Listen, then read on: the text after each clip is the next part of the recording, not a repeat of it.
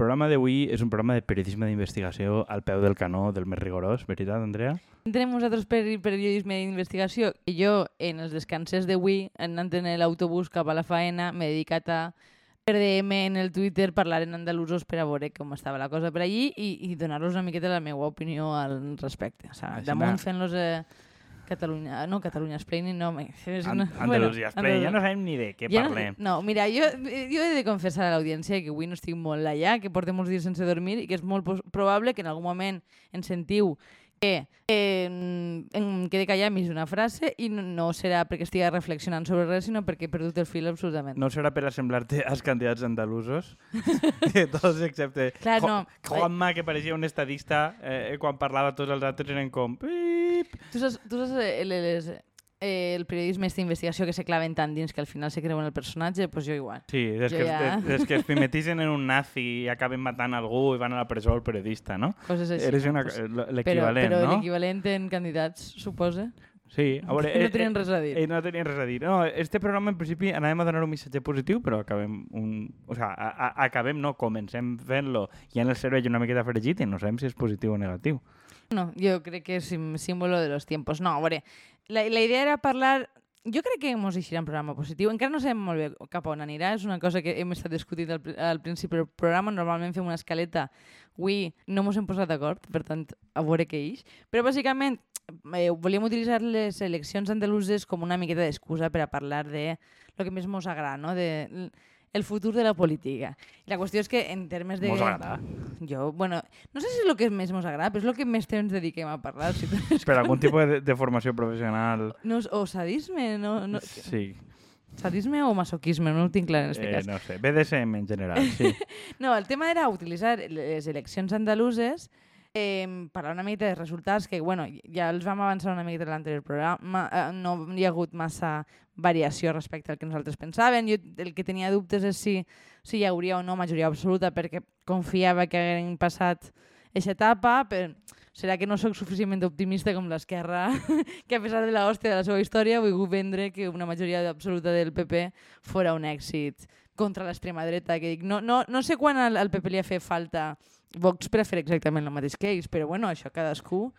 Sí, bueno, eh, eh, ja porten, porten temps parlant dels pronòstics generals i nosaltres sí que vam avançar més o menys que la dinàmica, pues, jo crec que clavar el resultat electoral o no no és el que ens ateny ni és el més important, però crec que sí que es ve a vindre que n'hi havia més o menys un candidat identificable que sabies de què anava, que és, bueno, la continuació de l'existent, i tots uns altres molt raros, que ningú sabia ben bé qui són, que es barallaven, que anaven en una papeleta o no, que l'altre no vivia al poble un dia, que l'altre... O sigui, era un lío. I entonces tu a la gent, tu li dius lío, lío, lío, pues la gent vota ordre. Vull dir, crec que tampoc és tan complicat. Sí, a veure, jo crec que ja vam parlar una miqueta de l'anterior programa, no? Que jo, jo veia com dos dimensions de per què aquestes eleccions anaven a ser un fracàs per a los nuestros, entre cometes, que no sé massa bé el que vol dir això a dia d'avui. Nostra és la professora de yoga. No, no principalment, la veritat.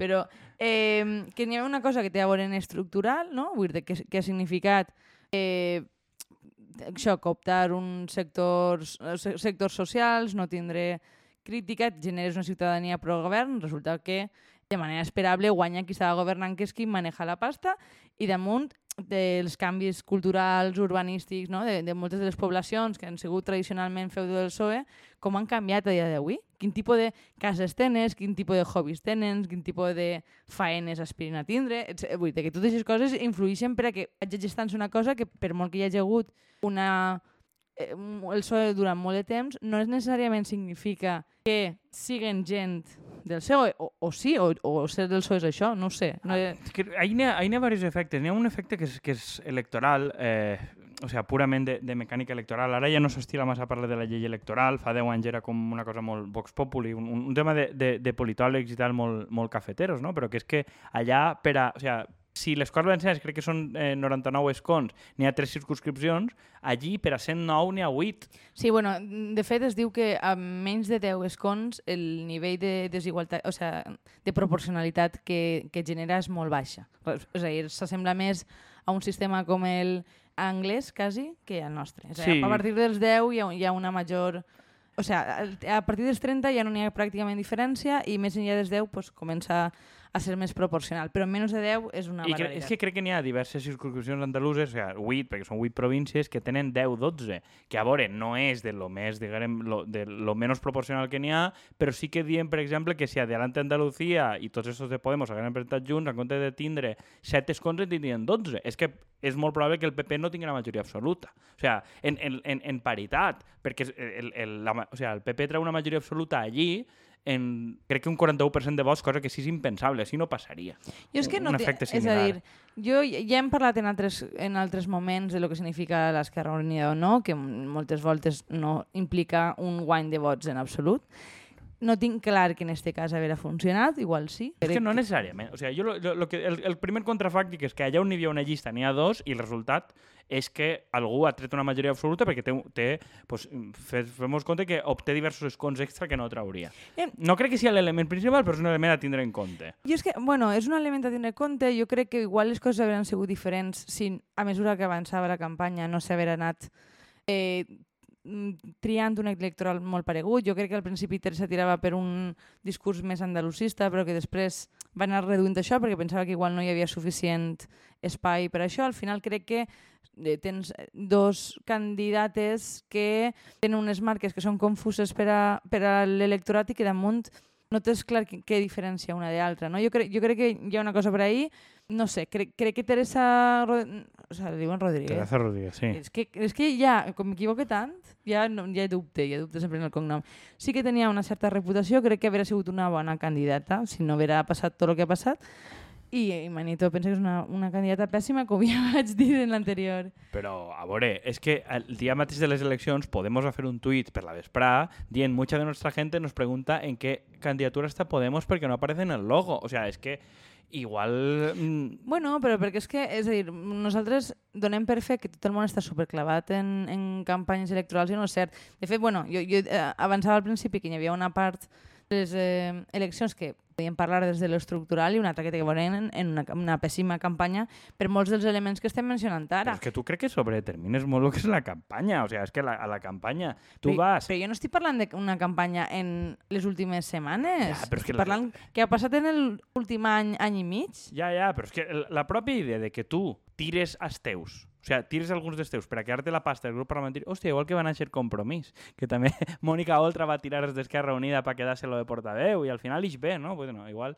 no, no hem de jutjar molt la, la, la, la moralina, però vamos, la Juerga és el seu referent. La Juerga és exactament la que van fer els de Bloc i Iniciativa en Esquerra Unida en 2007. És tirar els portaveus i enviar-los al grup mixt als altres per a quedar-se ells al grup i després pues, és un resultat pues, una miqueta regular, eh, perquè la gent, no, o sea, la gent, la candidata que anava en Podemos va en un altre partit i Podemos no apareix en la papereta. O sea, és una cosa que, més enllà de la campanya, i crec que molta gent normal no entén, perquè tu vas votar a Podemos, què, què fes ahí? Però, però és que, a més, vull dir-te, i, i enmig de tot això està Yolanda hablando de lo suyo. És que jo crec que... Bueno, però reconec que Yolanda ha triat, a la Imma Nieto esta l'ha triat Yolanda ha dit, o sea, no, eh, Podemos volia un picoleto, que tenen, o sea, eixa és l'opció exclusivament de Yolanda Díaz. Encara que Yolanda Díaz ara s'espolsa el mort, ella va elegir digitalment com, esta com, pava, com eh? sempre, per l'altra banda. Sí, però sí, però claro, però és que ara, no, Yolanda no se l'ha tocat, no, Yolanda és tocadíssima perquè eixa, eixa pava és la seva elecció personal.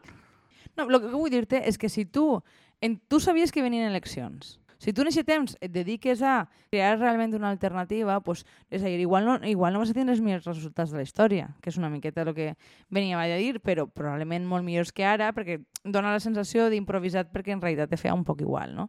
Que és, que és el que jo veig problemàtic. De tota manera, o sea, jo, a pesar de que estos, o sea, no dedicaria molt més temps a parlar de, de les eleccions, perquè crec, o sea, no directament de les eleccions, perquè crec que ja moltes de les coses ja se veien vindre, ja les hem comentat, però sí que m'agradaria comparar el que passa en Andalusia, que en certa manera tot el món ho veia eh, com a inevitable, i en canvi tenim a, a Petro en Colòmbia i un grandíssim resultat en eleccions en, en França. Vull dir que que hem donat, o sigui, i, i a més els, els politòlegs parlen molt ràpid, jo he sigut la primera que parle d'això, no? de, dels cicles, no? de que anaven a un cicle conservador, de que ja fa la, diguem, certa hegemonia de l'esquerra en Llatinoamèrica que anava de cap a caiguda, això, això ho, ho dient fa un any, any i mig, màxim. I veure que realment aquestes coses no són tan inamovibles, també genera certa esperança i cert cabreig, perquè significa que hi havia més marge de maniobra del que, que hi ha hagut al final, o sigui, del que s'ha treballat al final. Jo crec, i a voltes ho, ho diem, i ho vam fer un, un episodi específic sobre este, quan parlem del tema de la guerra, que es produeix informació política per damunt de la pròpia eh, desenvolupament de la política. Tu has d'omplir mitjans d'estos que siguen el salto, que siguen contexto, descifrando la guerra, i mil blogs i podcast i tal, de molta informació. Està acabant un ciclo, pues resulta que l'any que ve hi ha una elecció diferent i estem en un cicle diferent. Igual és que esteu escrivint o parlant de més i que no n'hi ha tanta informació per a donar. O sea, i, i és que al final són... Igual, igual resulta que ens estem inventant cicles polítics més per la rellevància dels, eh, dels eh, politòlegs i periodistes que ho volen contar. Efectivament, però és que igual que el tema de Vox, quanta gent viu de parlar de l'extrema dreta? O sigui, Clar, que això és una de les altres coses que no hem mencionat, no? Vull dir que al final eh, tenim una trista notícia, hi haurà molts periodistes i politòlegs i tertulians de diversos mitjans que no sé en què es guanyaran el, el pa el dia de demà, tenint en compte que Vox passa a no pintar massa en termes de decisió política i què, què faran? Perquè, clar, ja no podem parlar de l'amenaça de l'extrema dreta. Què viuran, estos senyors? Però el mateix, tenim, tenim una indústria de, de, de, de l'opinació, indústria de l'anàlisi, que, que ha de guanyar les garrofes a un ritme molt més ràpid i produir, però igual que la premsa política ha de produir grans estratègies de lo que passa a les Corts Valencianes, quan lo normal és que una setmana i un mes normal a les Corts Valencianes no passa res rellevant per a la societat. Jo no, Zero. Jo, jo no tinc la, no, o sea, jo no tinc clar que la l'opinació no l'estigui fent ja la intel·ligència artificial, perquè mm, pràcticament ja pots adivinar què van a dir les persones abans de que ho facin, sí. perquè vull dir, ja venen en discursos pre, preestablerts. Bueno, però és que sempre hi ha alguna filtració. O sea, tu tens periodistes, i, i per periodistes que, que tu i jo coneixem, és gent que està al dia a la redacció i diuen és que avui he de treure dos o tres notícies i aquestes persones són conscients que no n'hi ha notícies a donar. Però el diari viu de que n'hi hagi, i la revista Contexto i el Salto de companyia viuen de que n'hi hagi anàlisis. Però ja no és que no hi hagi, és que eh, són, o sea, generes... Eh, certes bombolles d'addicció, perquè vull dir tu no necessites actualitzar cada 10 minuts es va fer viral una notícia en el que posava eh, Patricia, publicame esto que no, que no me deja entrar. Perquè a publicar. Pues, això, aquest tipus de coses passen perquè tu cada 10-15 minuts estàs actualitzant la informació. No passa res tan important cada 10 minuts. Ni, ni cada setmana. Acab ja, però dir que si, si estem parlant que en, en determinats períodes tens a, a la gent contínuament repassant notícies, és que eh, me'n recorde molt de, de, d'un debat eh, preelectoral en el que vaig parlar, que va ser en, el, en, quan Puig va va avançar les eleccions, que em van tindre com dues hores abans de que compareixerà, no paren de preguntar-me i què significa i què podem extreure? Era com, més enllà de, de, de lo evident, és que no sé què més dir-te. I li vaig dir així en tota la universitat del món, és que ja no sé més què. Bueno, i, i, I quan el debat de la moció de censura i quan les vestidures, tots tot aquells I, dies... I els debats d'eleccions, tenint la gent a les 2 del matí, jo què sé. Que mos papàvem allí a punt, claro, hores i hores de xerrar, sense tindre res que parlar, mirant de les cares entre tertulians i presentadors, perquè ahir n'hi ha una bombolla d'això, això, de la informació política, que és brutal. I que això és una. I connecten el que deia anteriorment. Una de les coses que té destacable Petro i Melenchon, al contrari d'Imma Nieto i tots els que han posat, és que Melenchon anys pinyant-se-la és una persona que porta dient coses paregudes des de fa anys de forma reconeixible. Igual que Petro ha sigut alcalde, ha sigut candidat avant, tot el món sap qui és. O sigui, per a mi l'èxit té molt... A veure, ha mobilitzat gent a última hora o s'han unit a una coalició, però que tot el món entén qui és. O sigui, hi ha persones normals que diuen hòstia, este és el que porta mitja vida ahí o tal, i que es presenta la persona del barri que és militant, confia en ell perquè porta 10, 15, 20 anys dient coses similars. No sí, és un bueno, paracaigudista. Al final parlem de coherència i de credibilitat, no? Vull dir que un candidat, eh, més enllà de quina siga la marca concreta sobre la que vaja, és reconeixible, que és una cosa que, que sí que vam parlar en l'anterior ocasió, que la major part de la gent no, no sabia qui eren gran part dels candidats, és a dir, tu no pots presentar-te a eleccions sense que ni un 30% conega el teu candidat, és que és un suïcidi.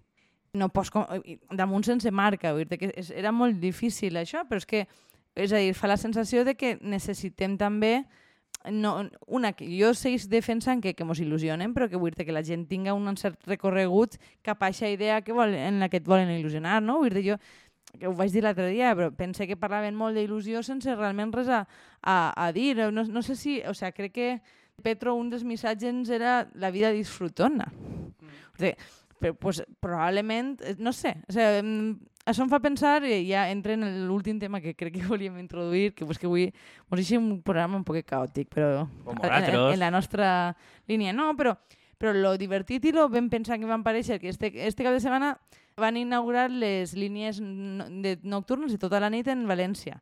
Pues Gretzi, que és el principal troll que tenim al País Valencià, que va fer? Va muntar una festa i els autobusos eren gratis i n'hi havia concerts gratis en la plaça.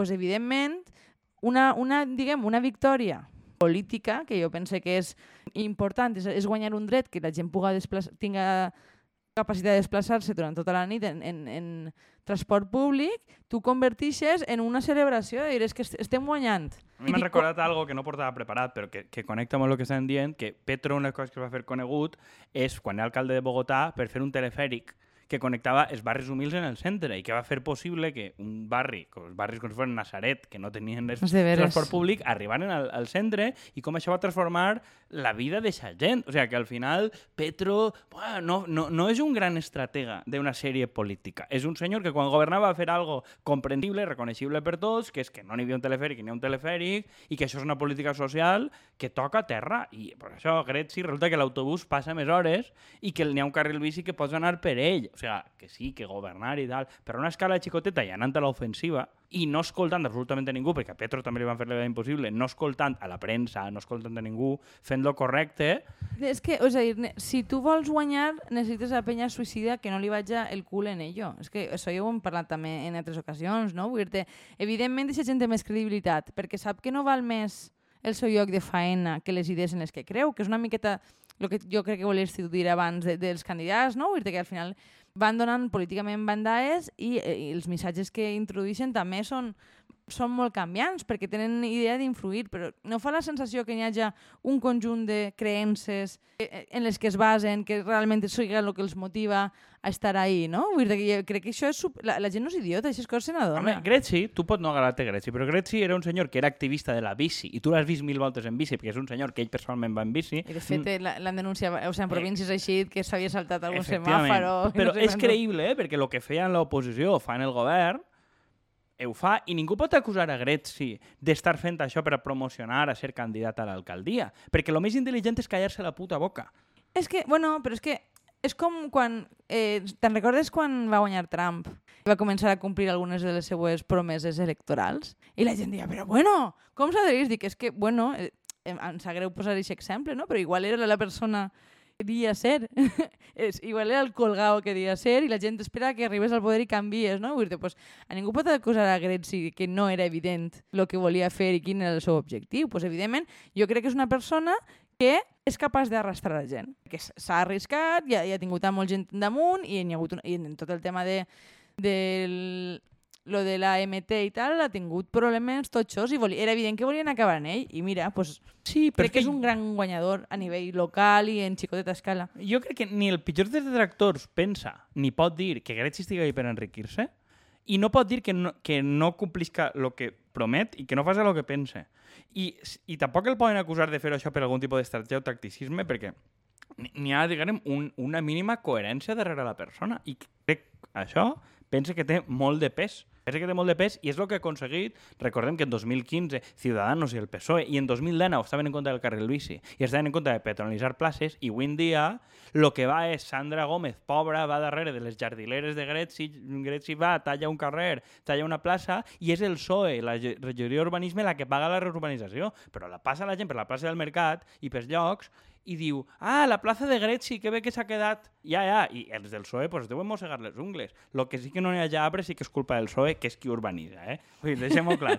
Però que al final la gent percep que fins i tot les coses que ha pagat el PSOE de la seva butxaca, la seva butxaca no, de la butxaca de la regidoria, diguem, Ells que, probablement consideren que és la seva. que és la, tota se- ells, ells, ells consideren que és la seva, I- I realment, així la distribueixen. realment la gent el que percep és que qui ha tret els cotxes d'ahir, que és lo rellevant, qui ha generat una plaça per a la gent, eh, és Gretzi. I ha sigut, ell ha aconseguit que el PSOE, que volia aparcar el carril bus per la nit, que, està, que estava en contra de tot el que significa progrés, han vingut a les seves posicions. Això també, bueno, és, és sempre el que es diu, que Margaret Thatcher, que estava orgullosa de Tony Blair, també que els, els adversaris s'hagin de convertir en tu, això sí que és la victòria. Bueno, que al final té a veure en portar-te iniciativa i no fer coses contra l'extrema dreta, no? Jo crec que hi ha do, dos maneres de funcionar. Una estàs funcionant en el marc contrari i sempre a la defensiva i l'altra eres tu qui porta el, mando i qui va arrastrant a la resta, perquè vull dir, a més n'hi ha, hi ha coses que més o menys per una qüestió de, de progrés és inevitable que vagin passant. Però és que tu... Que anem cap ahí més o menys, o sea, que per lo menos ha avançat un parell de mesos, a, a, a mesos, anys a, a, a aquest tipus d'esdeveniments, pues que, com en Madrid, en Madrid acabaran entre carrils bicis igual i acabaran... Però 10 tot anys després. Efectivament. P- Però tu saps que en tots els problemes que si, que si Compromís perd eh, Maria José Català no s'atrevirà a llevar tots els carrils bici perquè és una, perquè és una percepció, una cosa ja feta, i el tema de la irreversibilitat. Claro, no? i que tu saps si, que torna a guanyar que n'hi haurà més. O sigui, això és una certesa, perquè això ho han complit ja diverses voltes, perquè existeix un, una coherència darrere la figura. Pues, No sé, jo el que prescriuria per anar tancant és que menys mirar sèries polítiques, menys llegir tantes revistes d'anàlisi, menys fer-se tantes palles i més mostrar una sèrie de coherència i previsibilitat cara al teu veí. I, i victòries a xicoteta escala, que siguin reconeixibles i que facin pensar que, que la vida pot millorar de la gent. i que tens paraula, perquè n'hi ha molta de la gent que està en política que dia una cosa i avui diu una altra i a ningú li sorprèn, però claro, si penses que això va eixir-te gratis en les eleccions, i no cal dir noms. Veus com al final hemos eixit un programa més optimista de lo que tu pensaves? Bueno, no sé si és optimista o no, però bueno, ahí, ahí mos que quedem. sí, mos quedem ahí, en eixa Bueno. idea. Vale, pues, vos deixem opinar si és optimista o pessimista, poseu en les xarxes i avant. Bé, Adeu. adeu.